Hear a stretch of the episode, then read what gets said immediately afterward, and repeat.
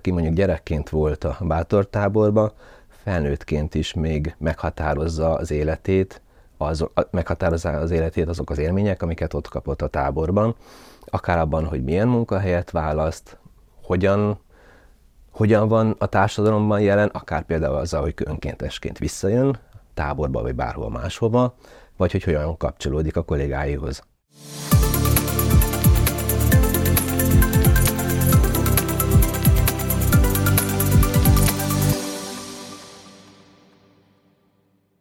Sziasztok! Köszöntelek benneteket az Oxo Coffee Break következő epizódjában, ahol civil szervezetekkel foglalkozunk.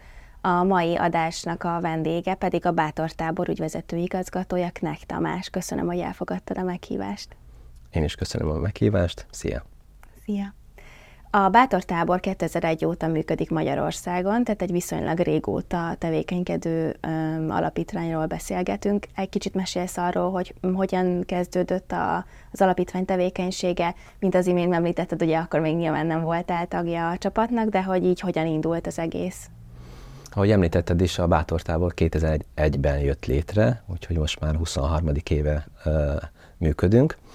Kilenc magánszemély köztük orvosok, pszichológusok, egyetemi tanárok elmentek Írországba megnézni, hogy hogyan működik egy, egy tábor. Írországban a legközelebbi tábor, ami Bátor tábor egy nagy nemzetközi táborszövetségének a része. Uh-huh. Annak idején ezt az egészet Paul Newman Oscar színész indította el, Amerikában, és az nagyon szépen kinőtt, hogy most már nem csak Amerikában, hanem Európában, sőt Ázsiában is vannak a hasonló élményterápiás táborok, illetve most már ilyen becsatlakozott szervezetekként Ázsia és Afrika különböző részein is. Szóval ez egy nagy nemzetközi hálózat, ettől függetlenül minden szervezet teljesen önálló és saját maga határozza meg, a, hogy milyen irányba működik. Ami közös bennünk az, hogy ugyanazt a módszertant alkalmazzuk, uh-huh és akkor itt ki is kitérnék erre, hogy mi ez, mert sokan azt gondolják, hogy a bátortábor,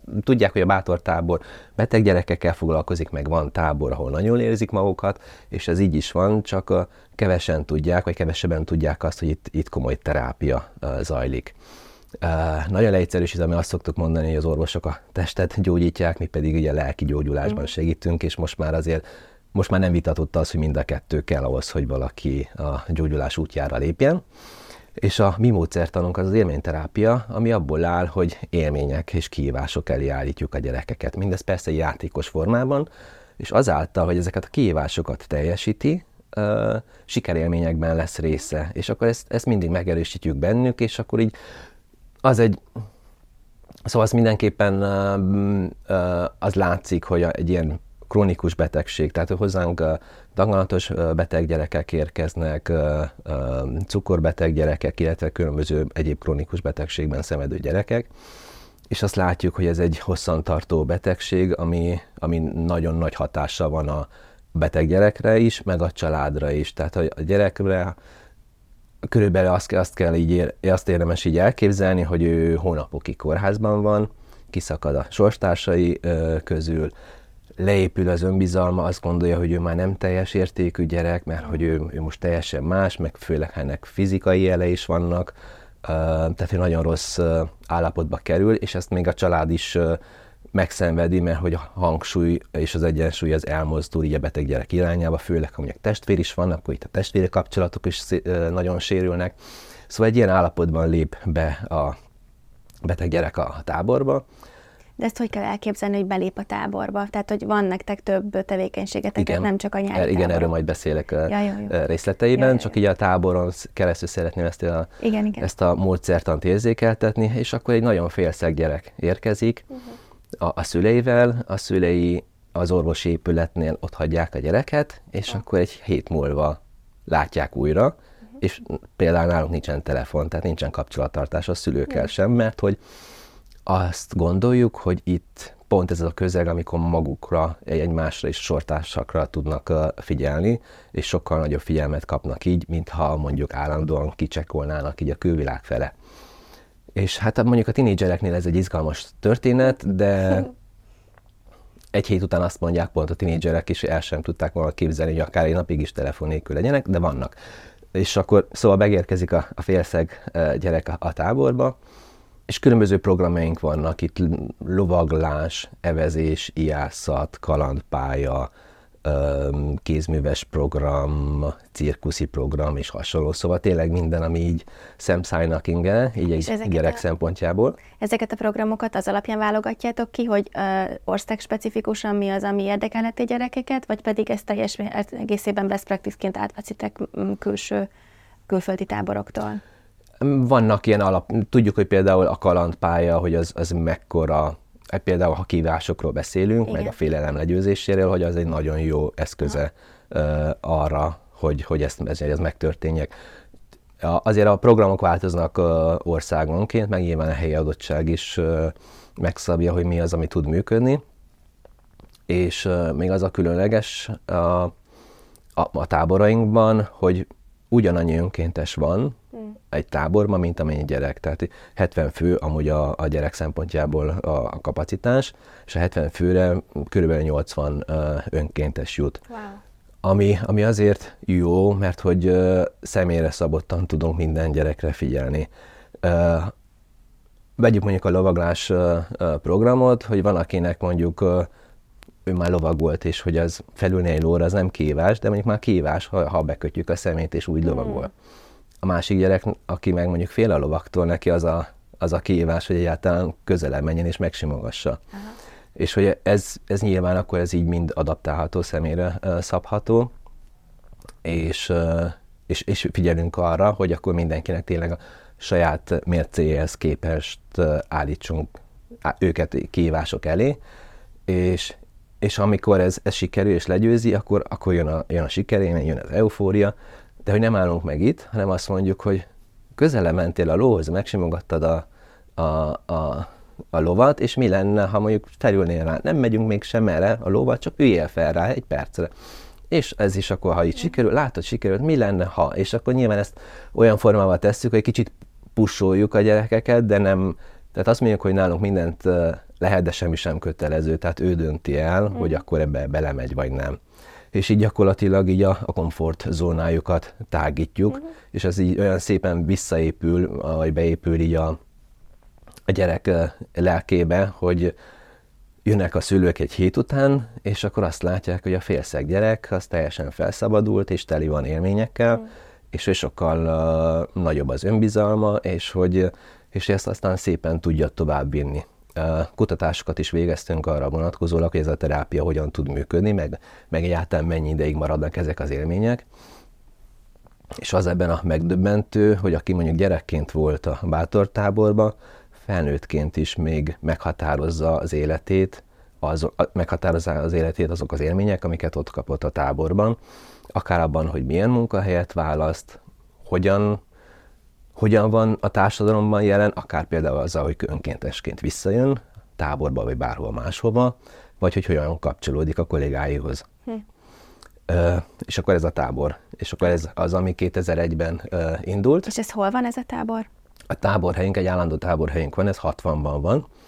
Egy volt ö, úttörő tábort hm. vettünk át a klasszikus 2000, 2002-ben, mert az első évben még a római parton volt egy ilyen bérelt táborhely, ez a kilenc magánszemély akkor Írországból hozta a tudást, és azt mondták, hogy erre Magyarországon is szükség van. Uh-huh. És 2001-ben akkor elindult a bátortábor, és 2002-től vagyunk 60-ban. És ez a klasszikus fa barakos épület úttörő tábor hangulata volt. És... Általános iskolában is ugye az ember oda, oda jár Magyarországon gyerektáborba. Igen. És, és hát az elmúlt években sikerült gyakorlatilag ezt így teljesen átalakítani, és egy gyerekek csodavilágnak mondják, így hmm. a bátor tábor, de valóban ez egy gyakorlatilag ez egy élménypark, és nem csak a gyerekeknek, hanem a, a szülőknek is. Mert hogy vannak olyan programjaink is, amikor a teljes család jön el hozzánk a bátor táborban. Majd erről is szeretnék még kérdezni, de most egy olyan kérdés motoszkál már bennem egy ideje, hogy amikor említetted, hogy a, hogy most már holisztikusan szoktak hozzáállni a gyógyításhoz az orvosok is, vagy jó esetben több orvos van már, aki így áll hozzá, de hogy ez 2001-ben hogy volt? Tehát, hogy a bátortábor kezdeményezést, ezt hogyan fogadta a közvélemény, és volt-e esetleg elutasító, vagy esetleg kifejezetten támadó hangvétel Magyarországon ezzel kapcsolatban, hogy minek van erre szükség? Akkor még nem voltam váltortábornál, de azt tudom, hogy nem volt egyszerű, és nem is mm. feltétlenül a, az orvosok szempontjából, mert hogy igen, lehetett ebben szkepticizmus, mm. így a, a gyógyítók részéről. Szerencsére manapság ez már nem így van. Ami inkább kihívás volt, hogy a szülők bizalmát megnyerni, tehát hogy olyan gyerekek jönnek hozzánk, akik mondjuk aktív kezelésben vannak, tehát mondjuk egy mm. terápiás kezelés alatt állnak, és, és azt kérik a szülőtől, hogy aki mondjuk lehet, hogy pont 24 órában van előtte a gyerekkel, a nap 24 órájában, hogy engedd el hozzánk, jó kezekben van, vigyázunk rá, és egy hét múlva fogod visszakapni. Uh-huh.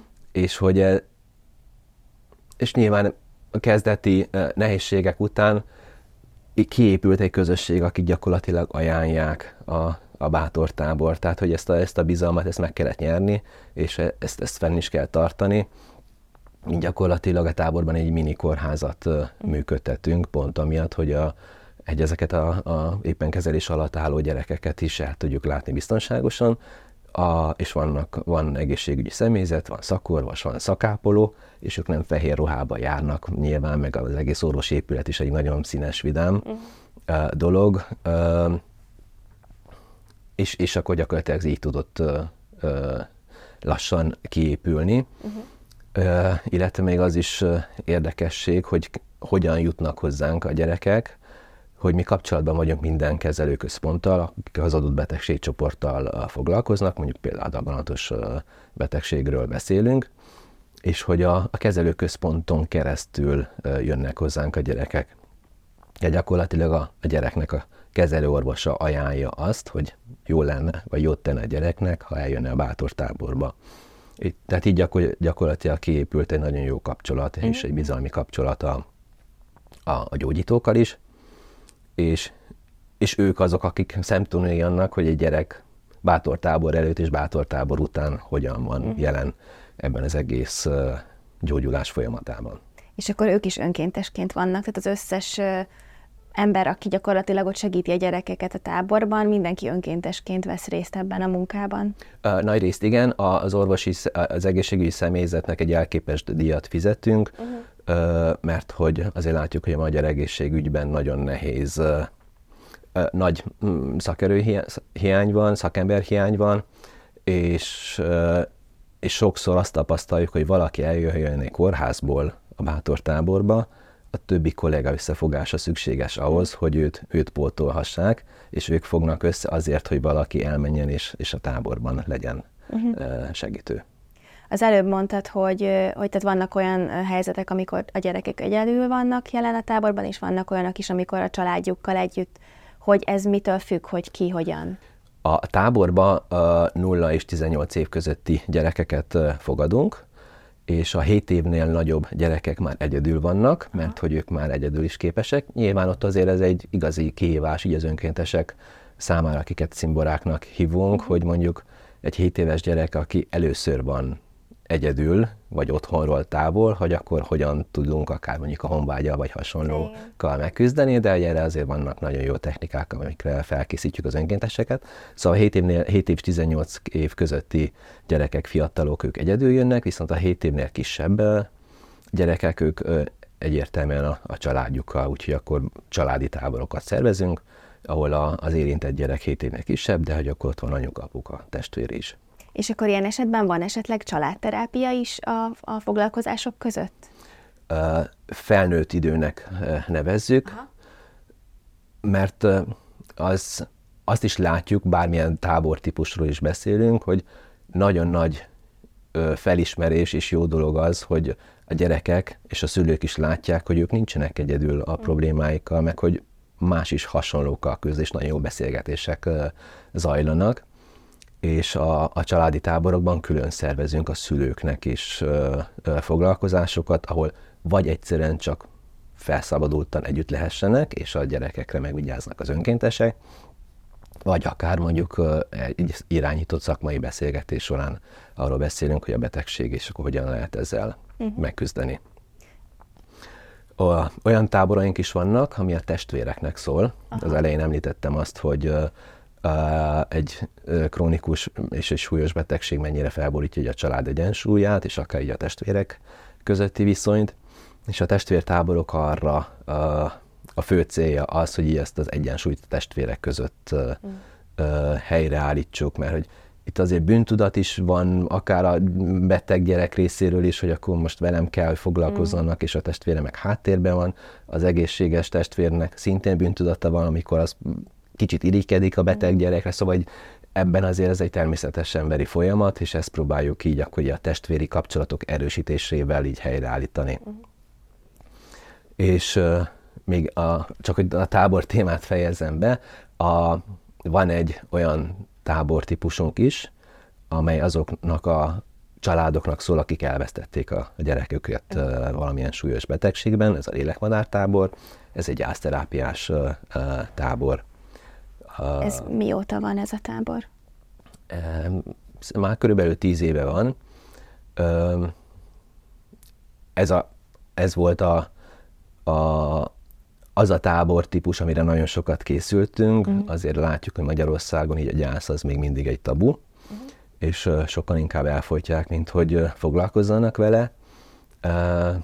Viszont azt látjuk, akik eljönnek és rászállják magukat, hogy, hogy nagyon nagy segítség nekik, így a feldolgozásban, másrészt meg nagyon jó barátságok uh, születnek így a uh-huh. családok között, főleg, hogy hasonló uh, sorsú uh, családokról van szó, hallottunk például olyan eseteket, hogy így a táborok után, mert ez egy három táborra épülő ilyen sorozat. Egymás követő években? Vagy? Gyakorlatilag egy év leforgása alatt háromszor jönnek el hozzánk, és akkor ez így egymásra épül. Értem. Hogy először így a szembesítés, feldolgozás, és aztán az elengedés, tovább lépés évét próbáljuk végigjárni uh, gyászterapeuták segítségével, szóval ugye a végére így a családok annyira összépültek, hogy együtt mentek el nyaralni. Hmm, ez jó.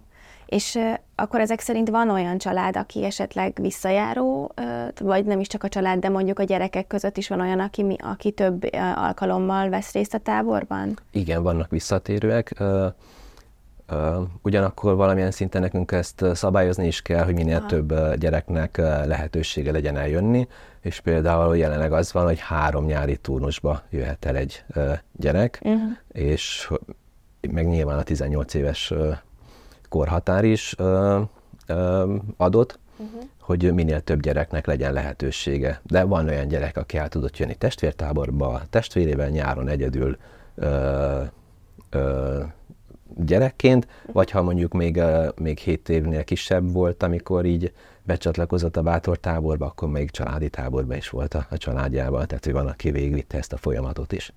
És gyógyultan is visszamennek a gyerekek? Tehát van olyan, aki esetleg amiatt, mert mondjuk a, nem tudom, feldolgozta már a traumát, de mondjuk még nem tett le ez a három alkalma, hogy akkor ezt így ki lehet maxolni, hogy így fogalmazzak, hogy háromszor részt vegyen? Hát a kiválasztásban figyelünk arra, hogy tényleg, hogy, hogy maximalizáljuk ennek a, ennek a hatását, és hogy ebben a, főleg a kórházi kapcsolattartók, akik jelentkeztetik a gyereket, ők azok, akik, akik látják, hogy, hogy mivel limitáltak a helyek, azért figyelnünk kell arra, hogy tényleg leginkább azok a gyerekek jöjjenek, akikre, akiknek nagyon szükségük van, és nem, nem, a, nem a nyaralás kategória, hanem a gyógyulás és gyógyítás kategória és azért a, a kapcsolattartók mérlegelik azt, hogy mondjuk neki, ha tíz helye van az adott központban, hogy küldje el a, uh-huh. a, vagy jelentkeztesse a gyereket a bátortáborból, így ki az a tíz gyerek, akinek a leginkább szüksége van erre. Értem, de hogy például gyógyultként is lehet az, hogy már fizikailag nincsenek tünetei, de mondjuk még arra szüksége van, hogy lelkileg megerősödjön, én inkább erre a verzióra gondoltam. Uh, nyilván igen, és hogy a, amúgy a daganatos betegségnél az van, hogy a terápia befejezése után 5 év után lehet gyógyultnak uh-huh. nevezni Értem. a gyereket, szóval hogy ott, mert hogy még bármikor visszatérhet. Igen, ez a, fontos a tudni, hogy akkor ez egy ilyen terminus technikus, hogy akkor 5 éven, 5 év után, aha, értem. Igen. Az előbb, tehát nyilván most már azért említettünk bizonyos területeket, hogy hogy akkor a tábor maga a, egy fizikai tábor, tehát hogy, hogy oda le, el lehet menni, de hogy ezen kívül is van tevékenysége a bátor tábornak, az, az hogyan néz ki, hogyan épül fel? Igen, táborral indultunk, de hogy most már azt tudjuk mondani, hogy így a betegség minden szakaszában jelen tudunk lenni. A tábor elindulása után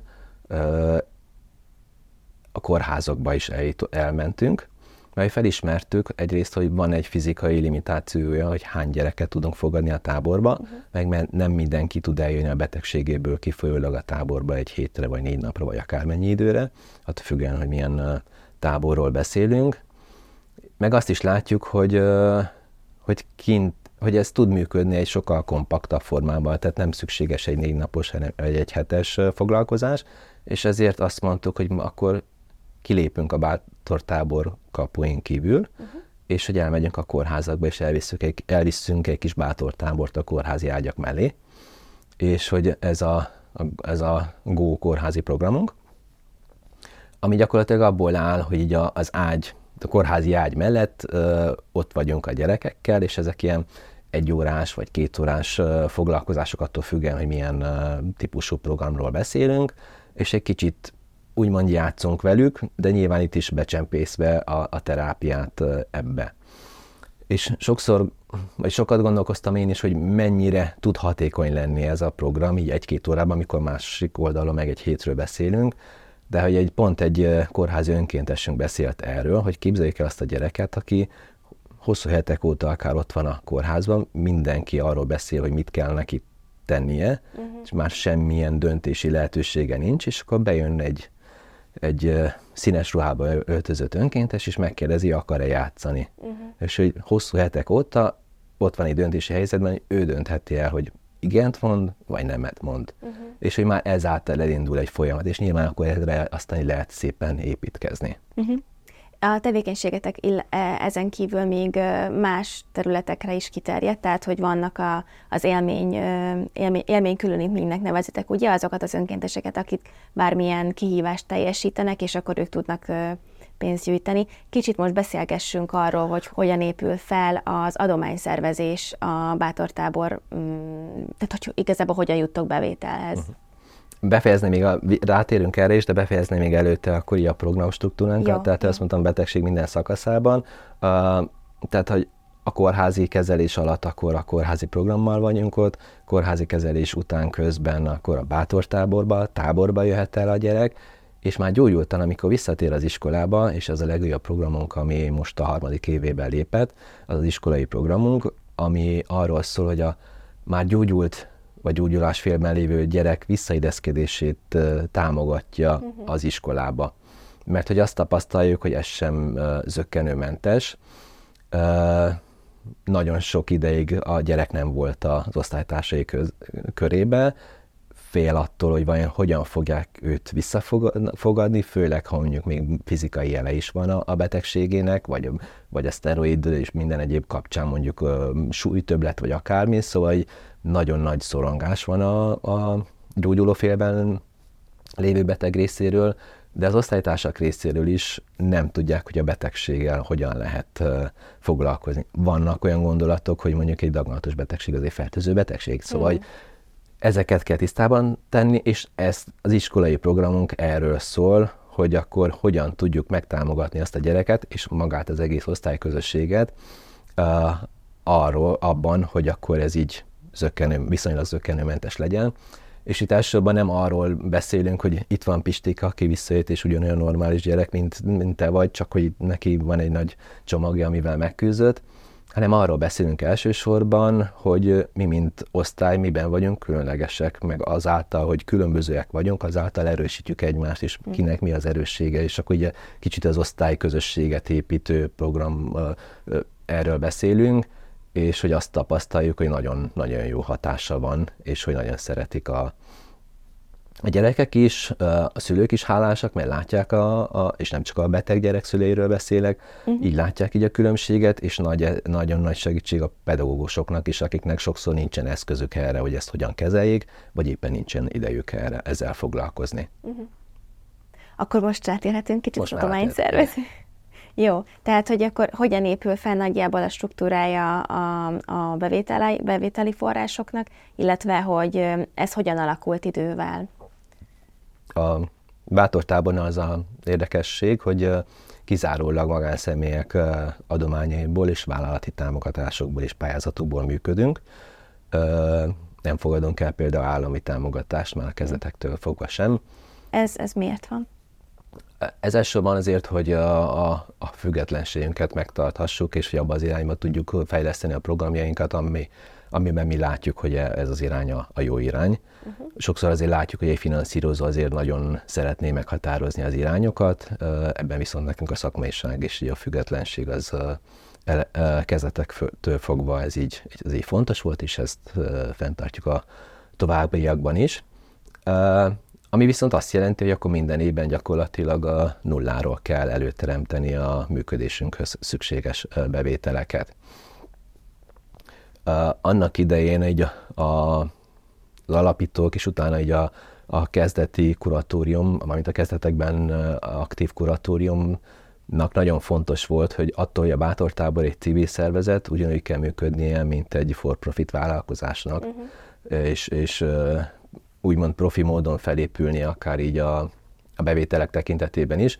Annyi a különbség van, annyi különbség van, hogy a, a profit az nem a részvényesek zsebébe megy, hanem gyakorlatilag a programjaink fejlesztésére és a működésre tudjuk fordítani. És ezért például fontos volt az is, hogy úgy építsük fel ezt az adományszervizi struktúrát, hogy ne egy lábon álljunk, mert az is fontos, meg látjuk, hogy a, Manapság azért bármi történhet, akár egy gazdasági válság, amikor azt látjuk, hogy a cégek fogják vissza a, az adományozási ö, büdzséjüket, hogy, hogy ne boruljon meg a bevételek olyan szinten, hogy akkor vissza kell venni a tevékenységből, és kevesebb gyerek jöhessen hozzánk. Uh-huh. És ezért a, úgy épül fel, hogy gyakorlatilag a bevételeink így ki vannak uh, balanszírozva, egyensúlyozva, hogy vannak magánszemélyektől származó bevételénk, ebben az egy százalék is benne van, és egy hangsúlyos eleme, vannak a vállalati támogatások, vannak pályázataink, hazai és nemzetközi pályázataink, inkább nemzetközi pályázataink, és, és vannak nagy rendezvényeink is, ami kiemelt támogatóknak szól. Egy kortás művészeti aukció, illetve egy jótékonysági golfrendezvény. És akkor ezek, ezek a bevételi források körülbelül hasonló arányban járulnak hozzá a bevételeinkhez. Uh-huh. Az miről mesélnél még egy kicsit, mert ez nagyon érdekes és nagyon izgalmas dolog. Az élménykülönítmény a magánszemélyekről beszélünk, elsősorban, bár mondjuk cégek is tudnak csatlakozni.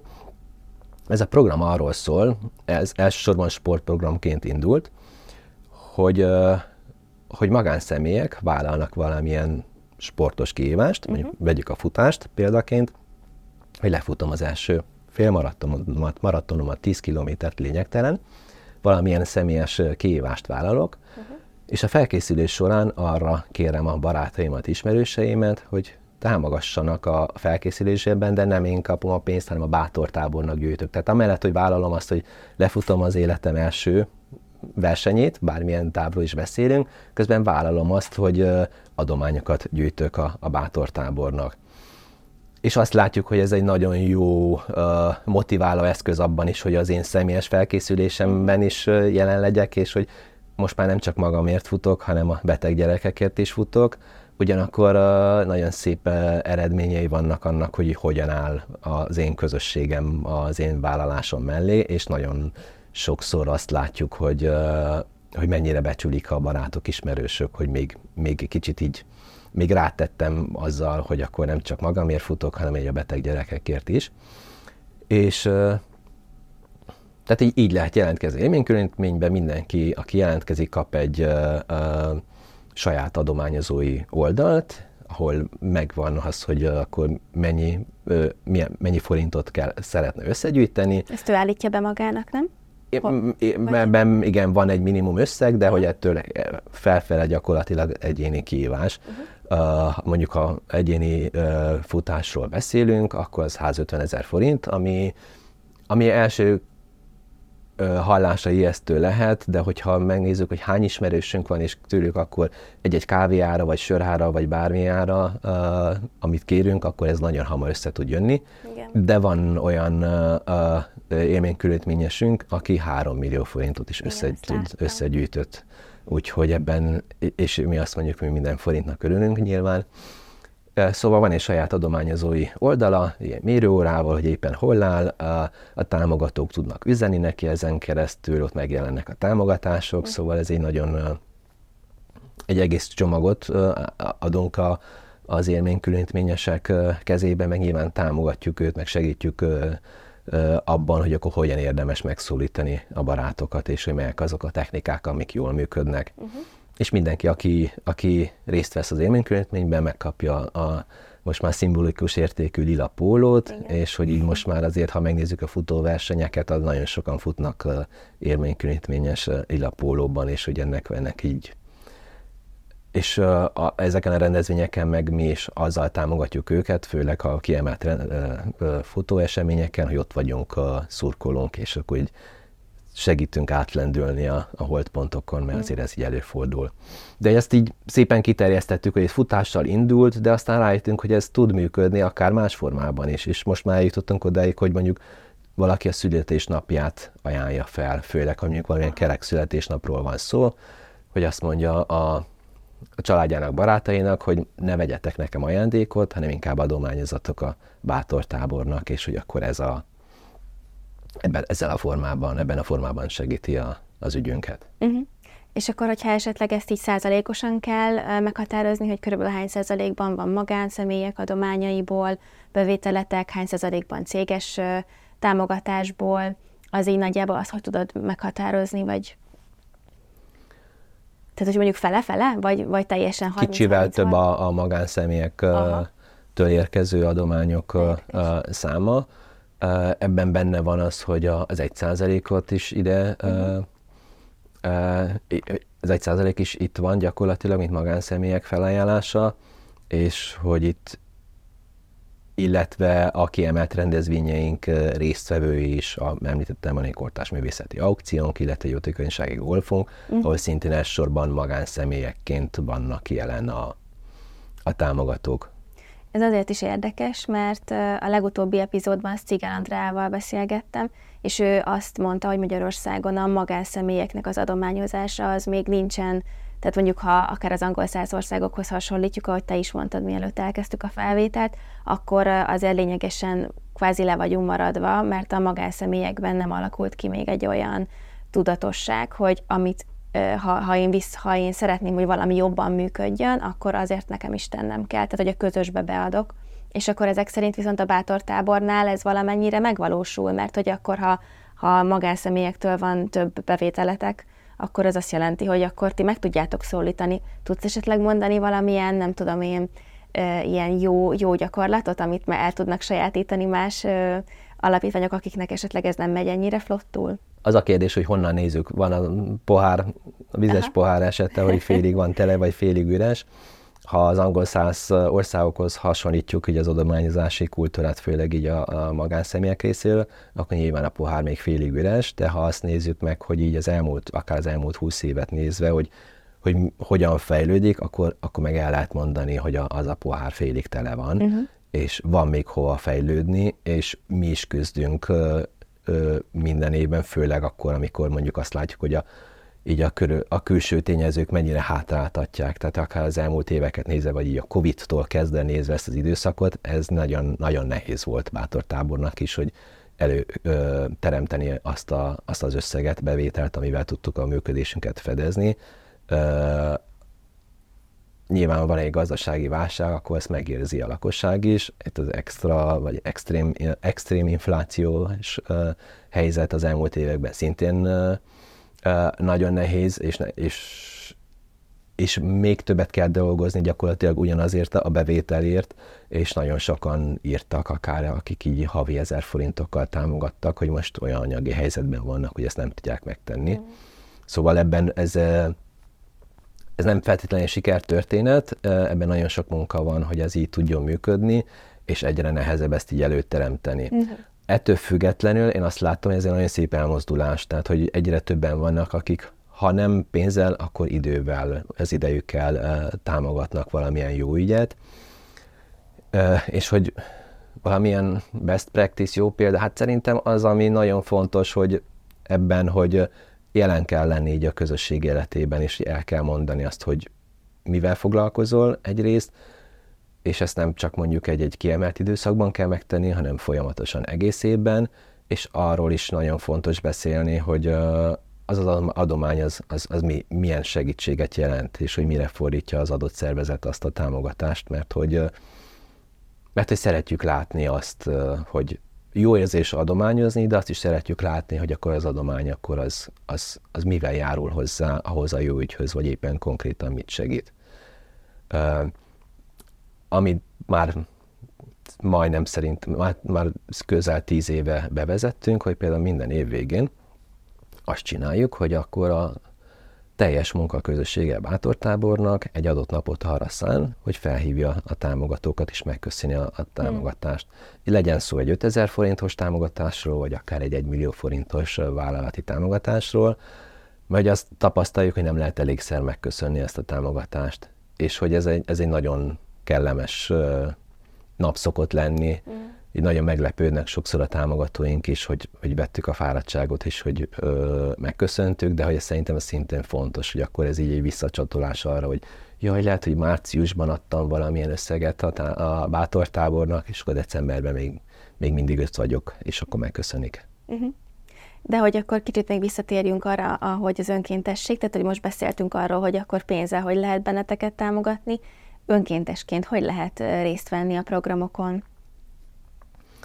Mint említettem, akkor három programunk van, a tábori programunk, a kórházi programunk és az iskolai programunk, és most már eljutottunk oda, hogy gyakorlatilag bármilyen, bármelyik programunkban be lehet önkéntesként csatlakozni, ami azért jó, hogy kezdetekben csak a táborba lehetett jönni, ami azért nagyon sok időt igényel a, bárki részéről, mert hogyha nyári turnusról beszélünk, az önkénteseknek 9 nap, de a felkészítés az kétszer két hétvége, mm-hmm. szóval nagyon sok időt uh, igényel, viszont nagyon jó jó élményt is ad, és amúgy pont most nyitottuk meg a, a nyári táborainkra való jelentkezést, úgyhogy bárki, aki jelentkezni akar, akkor a honlapunkon, Facebookon keresztül akkor megtalálja szükséges információinkat, de akinek nincsen arra ideje, hogy akkor ennyi időt adjon a, a saját idejéből, lehet jönni kórházi önkéntesnek is, ami ami azt jelenti, hogy a kiválasztás és a felkészítés után, ami ez egy hétvége, gyakorlatilag, tehát egy-két órát igényel csak a, az életéből az, hogy akkor eljön a kórházba, és akkor a kórházi önkéntesként támogassa a munkánkat, vagy iskolai önkéntesként is hasonlóan, akkor egy, egy, hétvégi, egy hétvégi képzés után, akkor néhány órás elfoglaltságot jelent a részt venni ebben a programban. Tehát attól függően, hogy ki mennyi időt tud szánni, önkéntességre most már azért három lehetőség közül is tud választani. És ahhoz, hogy valaki önkéntes lehessen, kell valamilyen olyan szakképesítés, akár pedagógus, akár pszichológus, vagy csak elég az, hogy valaki empatikus legyen, és akkor a többit azt meg tudja tanulni ezeken a érzékenyítő alkalmakon? A alapfeltétel az, hogy 20 évet töltse be, Aha. tehát hogy 20 év fölött, 20-tól gyakorlatilag pont tegnap említette az iskolai programunk koordinátora, hogy lesz most egy 78 éves önkéntesünk wow. az iskolai programban, szóval határa a csillagos ég. Az alsó határ az viszont szabott, megszabott, mert azért ez fontos, hogy azért legyen egy bizonyos fokú érettség, meg egy bizonyos fokú korosztálybeli, korbeli távolság a, a beteg gyerekektől. Nincsen semmilyen előképzettségre való szükség. A táborban vannak olyan programok, amik, amiknél igen, mondjuk ha arról beszélünk, hogy íjászat vagy evezés, akkor, hogy ott azért nyilván azért elő, vagy, vagy például a lovas programoknál, hogy az előfeltétel, hogy ezekben a programokban azért legyen már tapasztalata, de nagyon sok olyan ö, ö, önkéntes pozíció van, ahol gyakorlatilag csak a lelkesedés kell. Aha. És hogy mind, mindenre felkészítjük a, a önkénteseinket, nagyon Sokszor felmerül az is, hogy azért nem mernek hozzánk jelentkezni, mert hogy ez egy nagyon érzékeny téma, és nagy tehernek gondolják, hogy súlyosan beteg gyerekekkel mm. kell foglalkozni. Ezzel kapcsolatosan az a meglátásunk, hogy egyrészt, hogy nagyon figyelünk a, nem csak a gyerekek, hanem az önkéntesek lelki biztonságára is. Ezért is nagyon komolyan veszik a, a képzést, és hogy csak akkor akkor jött bárki aztán a programjainkra, akik, akik valóban felkészült már erre, és nagyon nagy hangsúlyt helyezünk a lezárásra is, tehát a program után is, bármelyik programról legyen szó, hogy akkor mindenki jól legyen ebben, bármit is tapasztalt program alatt.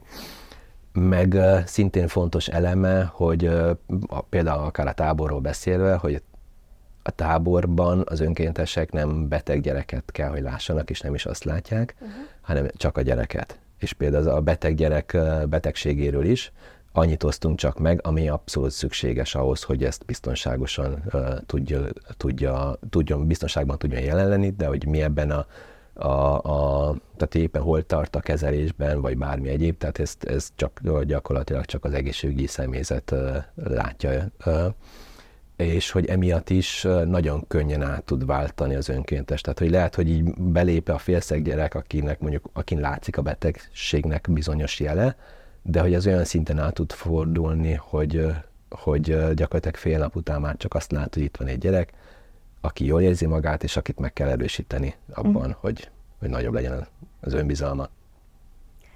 Hát akkor ez szerintem egy nagyon szép lezárása ennek a beszélgetésnek. Tamás, én nagyon köszönöm neked, hogy itt voltál, és meséltél nekünk a Bátor tábor tevékenységéről, és hát azt kívánom, hogy minél több önkéntesre tegyetek szert idén is. Meddig lehet jelentkezni? Február? Val- február Val- közepe, de Jó. tudomásom szerint de a honlapon és a Facebookon mindent meg lehet találni és ha meg nem táborba, akkor lehet jönni kórházi önkéntesnek, vagy iskolai önkéntesnek, mindenképpen érdemes követni bennünket a social csatornákon is akkor e, ehhez is sok sikert kívánok a kommunikációs eléréshez, és nektek pedig köszönöm, hogy végighallgattátok ezt a beszélgetést. Ha tetszett, akkor iratkozzatok fel a YouTube csatornánkra, vagy kövessetek minket Spotify-on. Sziasztok! thank you